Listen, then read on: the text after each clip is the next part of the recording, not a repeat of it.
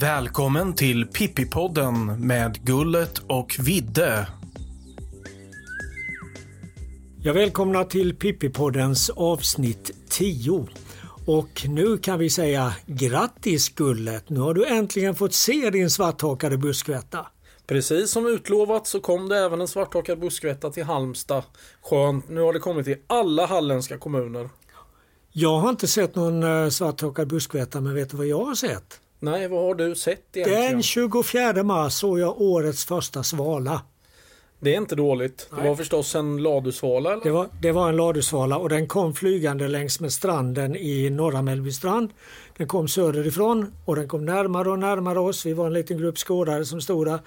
Och så plötsligt så verkade det som att den insåg att nej, för katten, det är för kallt här. För den vände och sen bara flög den rakt söderut så länge vi kunde se den. Den försvann någonstans i diset till slut. Häftigt. Ja, där såg ni rätt så mycket annat kul också va? Ja, vi var ju egentligen där för att titta på alla dessa svarta dykänder, alltså melanittaänder, svärtor och sjöorrar.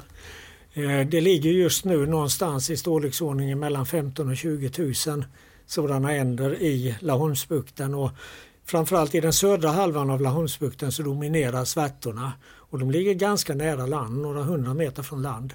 Längre norrut och längre ut i Laholmsbukten dominerar sjöårarna. De ligger inte så nära alltså, de ligger lite längre från land. Mm. Och i de där flockarna så försöker vi leta upp lite russin i kakan. Vi har ju hittat amerikanska sjöorrar och vitnackade svärtor men vi väntar fortfarande på någonting. Ja, än så länge i år i alla fall så har vi inte hittat något russin i den här ändå väldigt goda kakan. Ja, lite smårussin eller korinter kunde man kanske säga är ju alla dessa svarthakedoppingar som ligger där, ofta i flockar på kanske 10, 20 eller till och med 30. Och, och de håller på och dyker hela tiden de här svarthakedoppingarna, därför är de väldigt svåra att räkna. Men de är ju som små korinter i kakan helt enkelt. Precis, och vi väntar på den första knölsvärtan då förstås. Ja, det, det, det ska bli kul att hitta den alltså.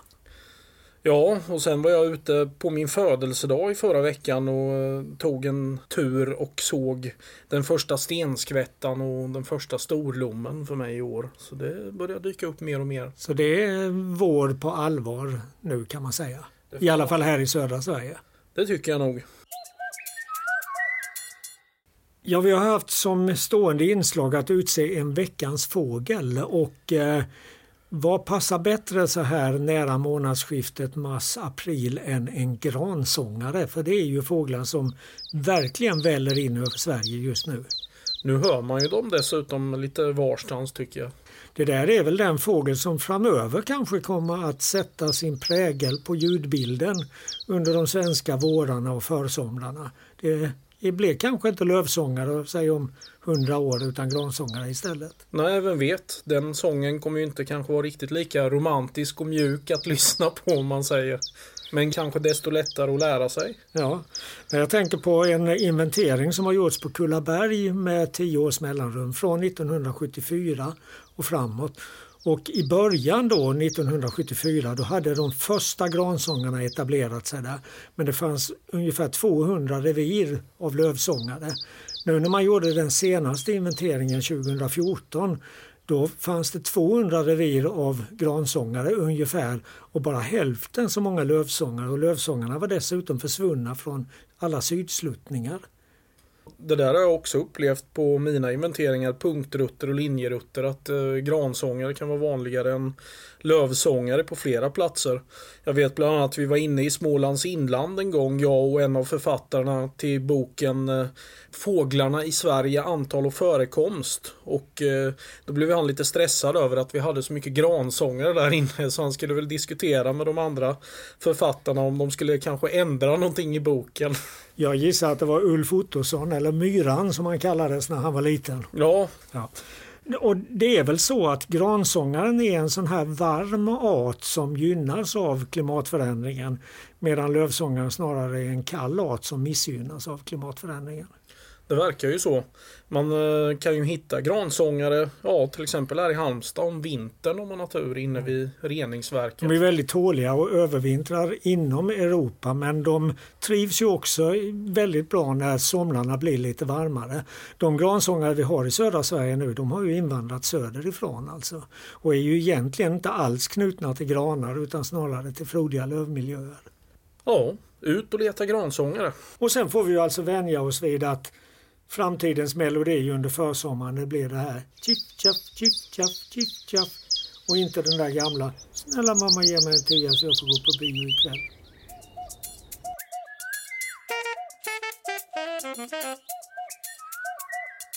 Ja, när vi sänder ut den här Pippi-podden så börjar det närma sig slutomgångarna av det stora fågeläventyret.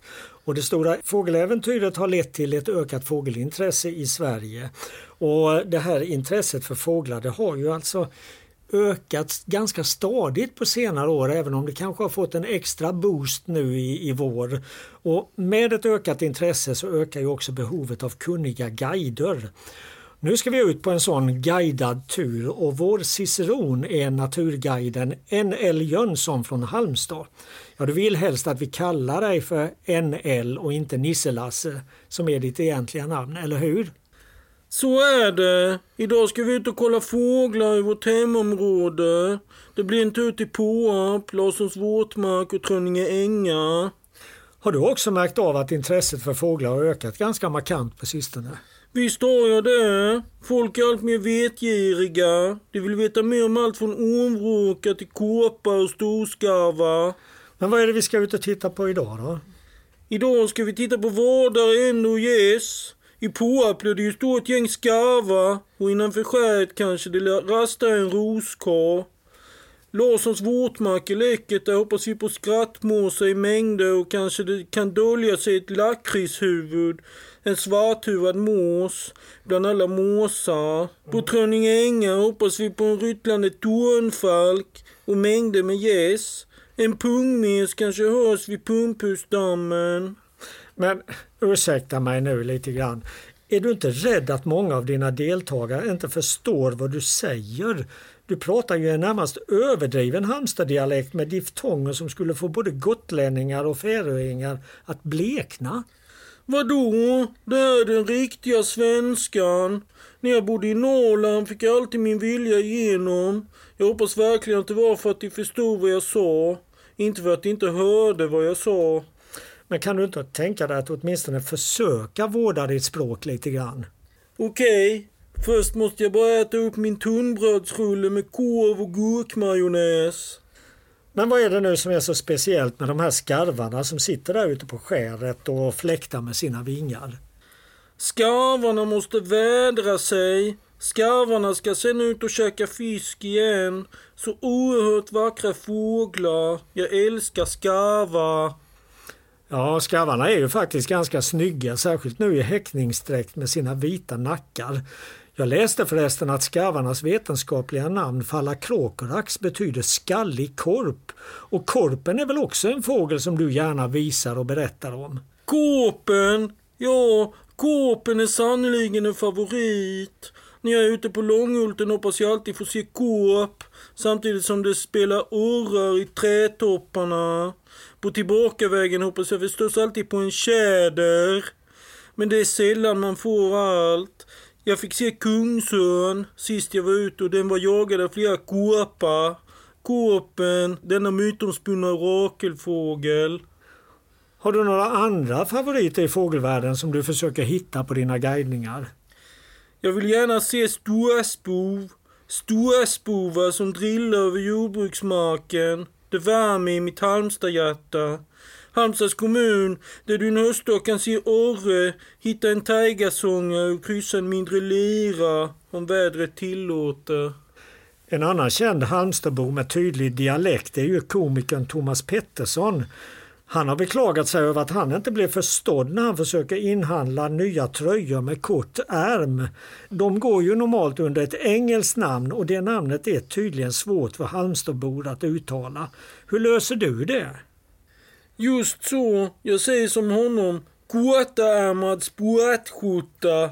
Men min sambo har gett mig en bild jag kan visa expediten för säkerhets skull och det brukar funka.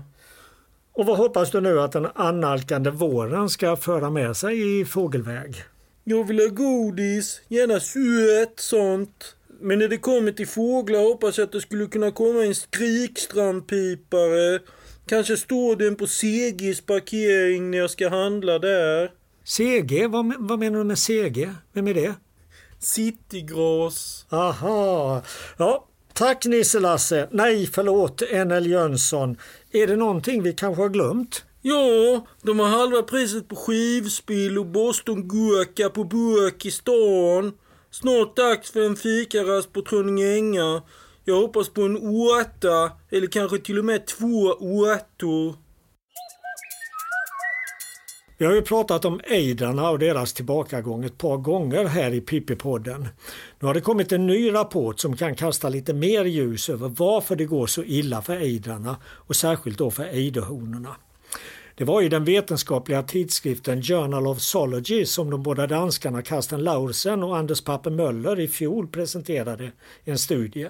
Och den här studien den refereras nu i Dansk ornitologisk förenings tidskrift under rubriken Magen försvinner om du slutar äta. Det låter ju ganska spännande. De båda forskarna har nämligen undersökt muskelmagen hos ejdrar. Ejdern är lite speciell eftersom särskilt honorna lägger på sig ordentligt med fett och andra resurser under vintern och det gör de som en förberedelse inför den kommande häckningssäsongen. Därefter äter honorna nästan ingenting under själva ruvningsperioden. Undersökningar som har gjorts i Finland har visat att de ejderhonor som anländer till häckningsplatserna med stora kroppsreserver, de lyckas mycket bättre än honor som kommer med mindre reserver. Bland annat har de välmatade honornas ungar mycket högre överlevnad. Och därför är det alltså viktigt för en ejderhona att vara så välnärd som möjligt när hon kommer tillbaka till häckningsplatsen. De här båda danska forskarna de har undersökt drygt 1200 ejdrar skjutna under jakt i danska vatten. Och I materialet ingår även 25 honor som samlats in på Saltholm under häckningstid. Studien har visat att ejdrarnas muskelmage den börjar växa till sig i januari. Den växer med i genomsnitt 0,6 gram om dagen från i snitt 98 gram i början av januari till i snitt 151 gram i slutet av mars. Och Det här det är alltså en anpassning till att äta väldigt, väldigt mycket under den här perioden. Och när man sen undersökte honor insamlade under häckningstid så visade det sig att deras muskelmage hade tillbakabildats och bara vägde i genomsnitt 31 gram, det vill säga bara en bråkdel av vikten tidigare under våren. Och istället för att äta så omfördelar ejderhonorna sina kroppar till att producera ägg och leva på sina upplagrade resurser. Och den här studien den visade också på värdet av blåmusslor i ejdrarnas föda. Ejdarna som hade möjlighet att äta mycket blåmusslor hade en betydligt större muskelmage och vägde också mera än de som fick hålla till godo med krabbor och snäckor. Om vi till detta sen lägger resultaten från tidigare studier i Danmark så pekar allt mera mot att ejderns tillbakagång är väldigt, väldigt starkt kopplad till hur det går för blåmusslorna i ejdernas vinterområde.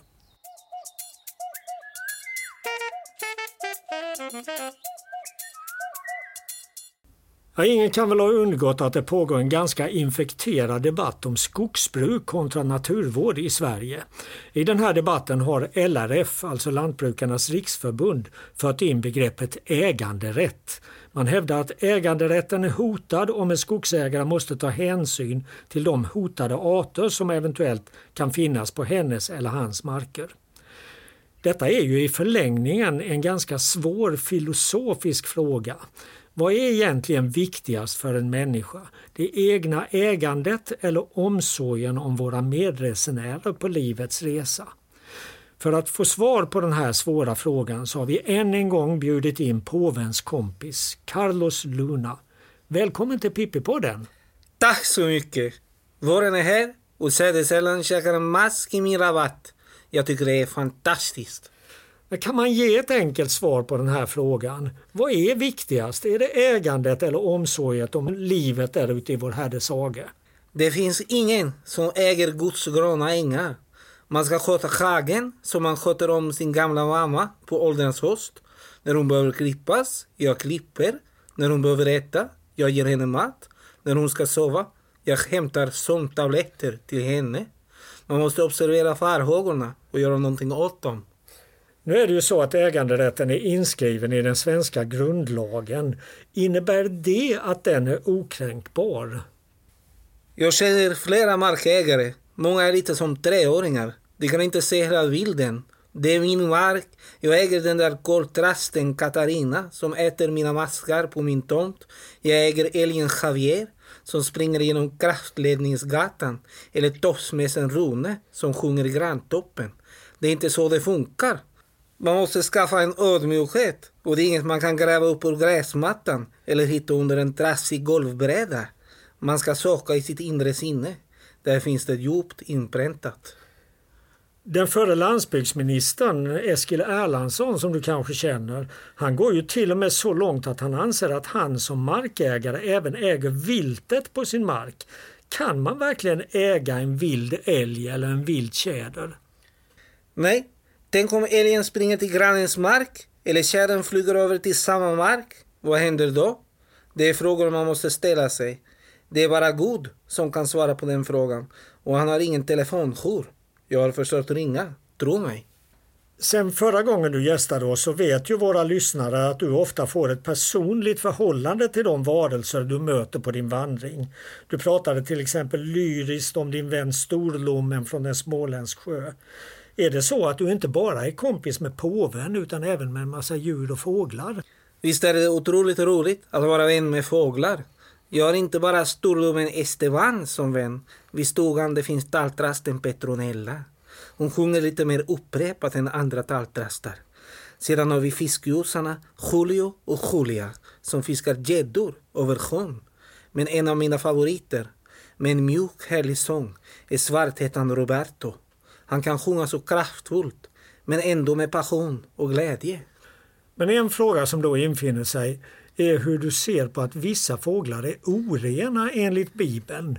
Det är tredje Mosebok man kan läsa att bland annat ugglor och rovfåglar, till exempel fiskgjusen, men också flera vattenfåglar och härfågeln är orena. Har Gud verkligen skapat någonting som är orent? Gud gjorde det nog med flit. Lite humor faktiskt. Härfåglar, ugglor och rovfåglar är verkligen vackra fåglar. Jag tror att det var så Gud skapade ironin och sarkastiska inslag i livet. Härfågeln äter skit, men ser fin ut. Det är verkligen roligt, eller hur?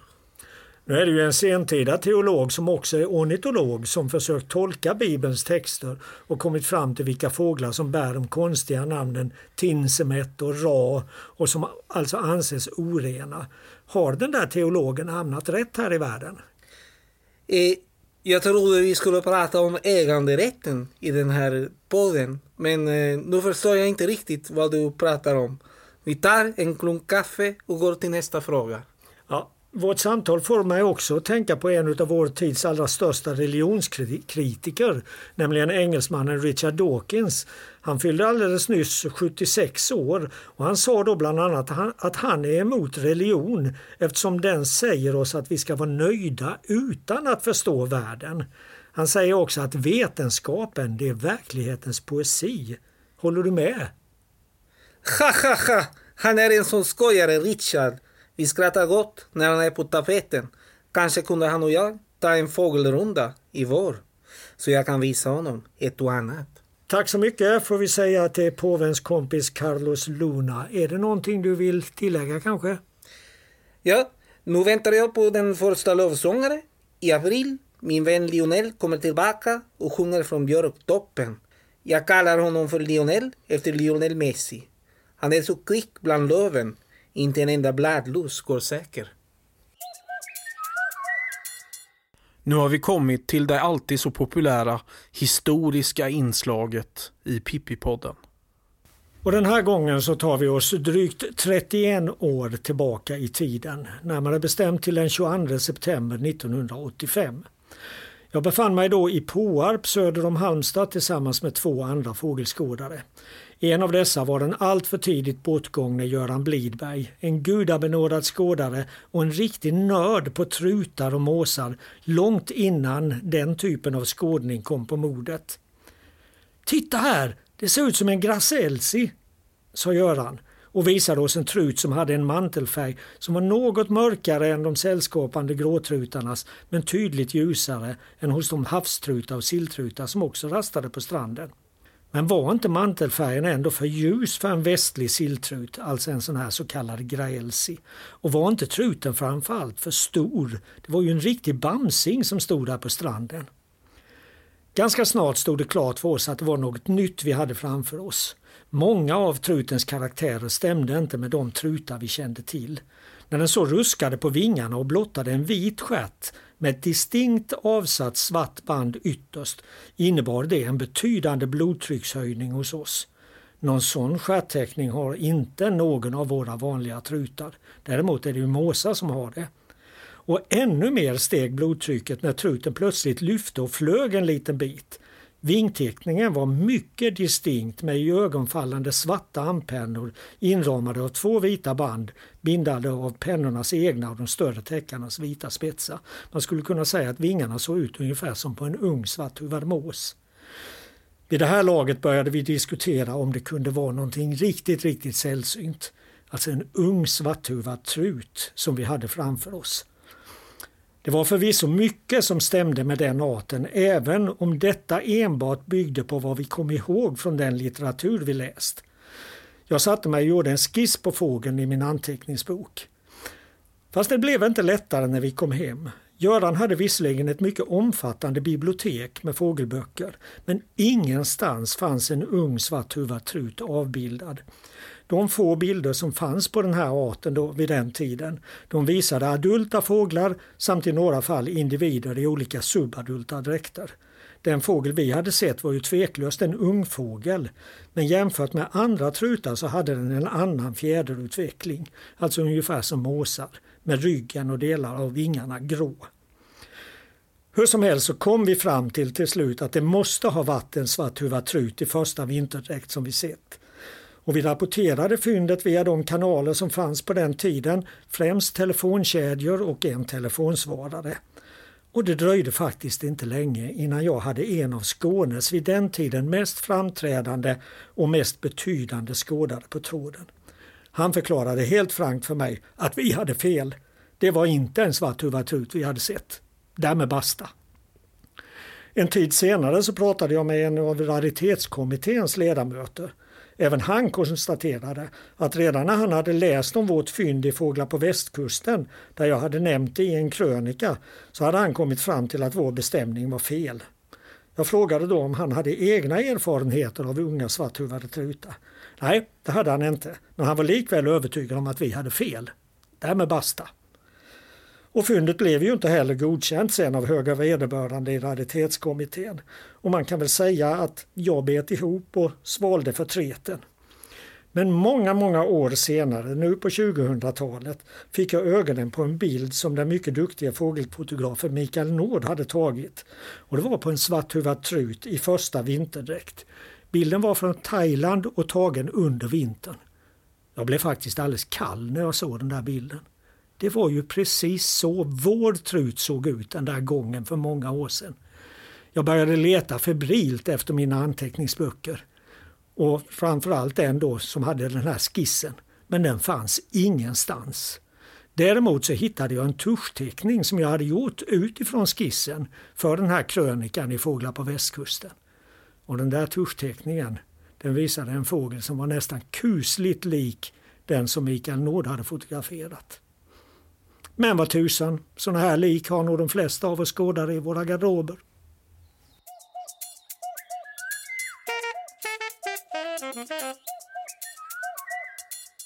Och då har vi kommit fram till det populära avsnittet Gullet minns. Betraktelser från november. Jag har en vän som en gång bodde på Malkusgatan 12 i Halmstad. Bara ett stenkast bort från mig. Vi brukade sitta på hans balkong på högsta våningen och skåda. En gång åt vi köttfärssås med spaghetti och då kom en brun glada och svepte förbi. Han flyttade härifrån för snart sju år sedan. Vi är ganska olika som personer, men en sak har vi gemensamt. Vi delar samma passion. Vi älskar att titta på havsfåglar och sjöfågelsträck. Vi har också tålamodet. I timtal kan vi stå och titta ut över ett böljande hav och bara vänta. Vänta på något som vi inte ens vet ska komma. Men det är det som är tjusningen. Vi kommer båda från inlandet och då är det farligt att flytta till kusten. Man kan inte lämna den sen. I alla fall inte själsligt. Det var senhöst och löven satt fastklistrade på gatorna efter allt regnande. En begynnande känsla av vemod och tristess började infinna sig eftersom vintern var i antågande. Mörkret kom så tidigt om dagarna. Det hade varit ett bra år med många fina upplevelser. Det var mitten av november och det blåste ganska hårt från sydväst. Vi hade inga förhoppningar om någonting. Ändå rullade vi ut till Skälviks hamn den där blåsiga och gråa dagen. Det som vi då trodde skulle bli en dag i bilen med mycket kaffe och kaka blev till något helt annat. Än idag brukar vi tala om dagen i Skälviks hamn som vi kommer minnas på ålderdomshemmet. Men det är långt dit ännu. Efter drygt en timme hade inget anmärkningsvärt hänt. Men så visade sig plötsligt ett vidunder som närmade sig hamnen. Den flög över havet med tunga vingslag. Vi såg snart att det var världens största falk. Äntligen fick vi se jaktfalk hemma vid och dessutom i Skälvik. Det var en ung jaktfalk som nog hade ätit en och annan ripa under sommaren. Det kändes märkligt att se den stora jaktfalken flyga över Kattegats vågor och skum när den bara för några månader sedan matats med ripor av sina föräldrar vid någon isolerad fjällkedja med lugn och ro någonstans. Men samtidigt var det en ren njutning. Det var en skön känsla att se falkens profil då den passerade piren från sidan. Detta bådade gott. Vad skulle mer hända? Från ingenstans dök den upp. Den vackra och häftiga klykstjärtade stormsvalan som har svårt att gå och bara lägger ett enda ägg under häckningssäsongen på någon av alla dessa oåtkomliga öar på de stora oceanerna. Men likväl är den en havets vagabond. Den är läcker som få då den trippar efter föda på havets skummande vågor. Den där novemberdagen var den svår att följa. Havet var som en bucklig plåt. Men precis utanför piren gav den sig väl till känna och vi skrek ut av förtjusning. Spanandet fortsatte.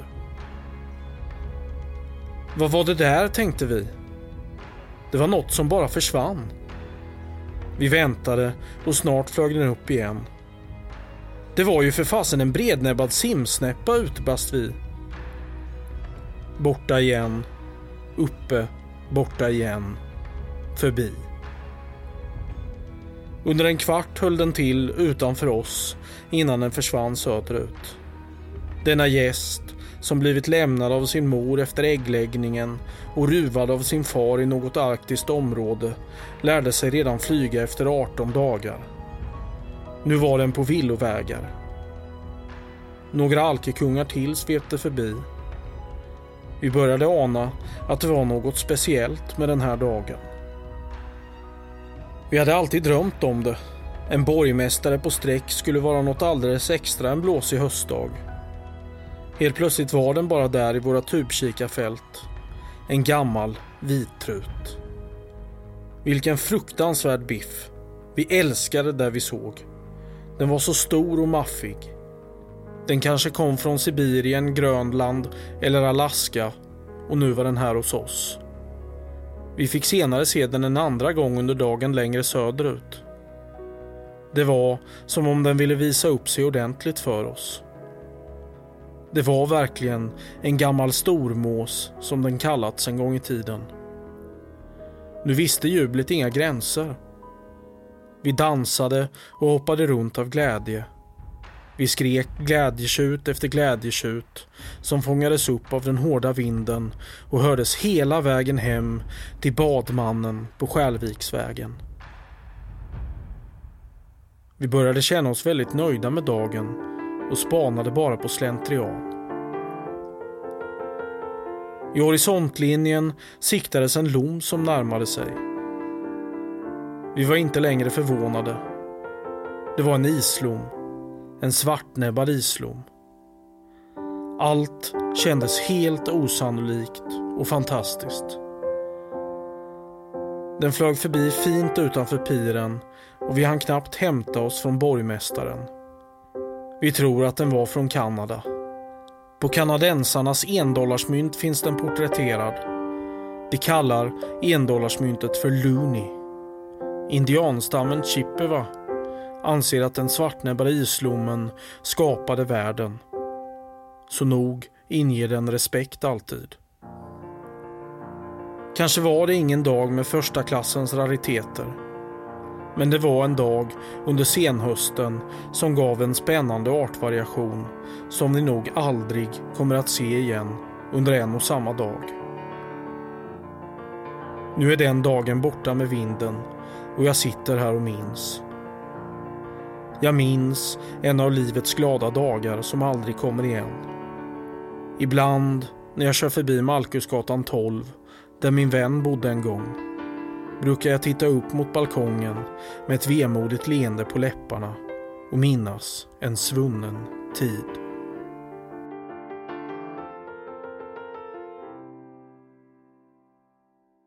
Här i Pippipodden har vi ju nästan gjort det till vårt adelsmärke att blanda seriöst och kuriöst på ett ganska hejdlöst sätt. Nu ska jag försöka vara lite seriös ett tag. Centerpartiets Annie Lööf är den politiker som gått hem allra bäst i de svenska stugorna på sistone. Mycket av den här framgången kan nog förklaras med att Moderaterna vacklat hit och dit och varit väldigt otydliga. Men Annie Lööf, hon är också en retoriker som vet hur man kniper billiga poäng.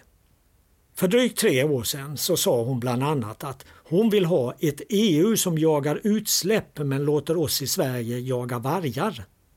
Och det gick naturligtvis hem i breda lager. Fast den var inte så särskilt väl genomtänkt. Hade hon själv tänkt efter så skulle hon kanske kommit på att hennes parti gick i spetsen för att stoppa ett förbud mot bly i jaktammunition och alltså mot blyspridning i naturen. Det förbudet fanns på den avgående socialdemokratiska regeringens agenda 2006. Men det blev inget förbud utan den första alliansregeringen föll till föga för jägarnas protester och fortsatte att tillåta bly i jaktammunition. Och just den här spridningen av bly i naturen är en av de mest omfattande när det gäller spridning av tungmetaller i svensk natur. Det är dessutom både ett fågelskyddsproblem och ett folkhälsoproblem. Flera undersökningar har visat att människor som äter mycket viltkött har förhöjda blyhalter i sina kroppar. I vissa fall kan det handla om farligt höga halter. Och när det gäller fågelskyddet är det i första hand rovfåglar som drabbas av blyet. Det sker genom att de äter av slaktrester ute i naturen eller att de tar skadeskjutna fåglar och mindre däggdjur. Blyförgiftning är en av de allra vanligaste dödsorsakerna hos både kungsörn och havsörn i Sverige. Och just den senaste jaktsäsongen, den senaste vintern, har det rapporterats ovanligt många fall. Dessutom så finns det starka skäl att misstänka att en hel del av de örnar som dödas av tåg har sin reaktionsförmåga nedsatt på grund av att de har just höga blyhalter i kroppen. Det är verkligen hög tid att Sverige förbjuder bly i all form av jaktammunition. Det finns idag inga som helst hållbara skäl att behålla blyet. Det finns goda alternativ. Och det skäl som jägarna främst anför när man klämmer dem lite på pulsen det är att många äldre vapen inte klarar annan ammunition än sån som har bly. Fast det är inget skäl att behålla blyet. I samhället i övrigt så har vi ju tvingats byta ut mängder med saker i takt med att miljöreglerna skärps. Varför ska jakten då vara undantagen? Nej, Annie Lööf, använd din nyvunna popularitet till att visa att du menar allvar med ditt fagra tal om att jaga utsläpp och lägg ett förslag om att snarast möjligt förbjuda blyutsläpp i naturen genom jakt. Ja, ni har lyssnat till det tionde avsnittet av Pippi-podden och det var det sista avsnittet för den här gången för nu tar vi en liten paus Gullet. Det får vi väl ändå göra. Det verkar ju som att folk har tyckt om att lyssna på Pippi-podden, är mitt intryck i alla fall. Ja, varför ska vi då ta en paus? Nej, vi eh, har väl lite annat att pyssla med. Nu kommer ju april och maj här. Det är ju riktiga hårdskådarmånader. Man måste titta på fåglar så mycket som möjligt då. Så då har vi inte tid att sitta här och snacka utan då ska vi vara ute i fält och slita alltså? Precis. Särskilt i maj månad. Det är årets bästa månad. Det är ju den självpåtagna sömnlöshetens tid. Precis. Men, men, men. Ja, jo, vi får väl eh, fortsätta med Pippi-podden om intresse finns. Ni får gärna höra av er. Får vi lite mejl och meddelanden och påhejningar om att vi ska fortsätta så gör vi väl det. Men eh, om det visar sig att det finns ett ointresse då kanske vi lägger ner allting. Så det är lite upp till er. Ja, men kanske kommer vi i vilket fall som helst tillbaka framåt hösten här när det börjar bli lite lugnare i fågelmarkerna. Men, men ska jag tolka dig som att du vill gärna fortsätta om vi får en lyssnarstorm nu? Ja, självklart. Då fortsätter vi. Jag vill ha godis. Pippi-podden tar gärna emot tips på vad som kan vara med i programmet i framtiden. Skicka oss gärna ett mejl på pippipodden gmail.com. Redigering av Frida Nettelblatt. Pippipodden produceras med stöd från Studiefrämjandet.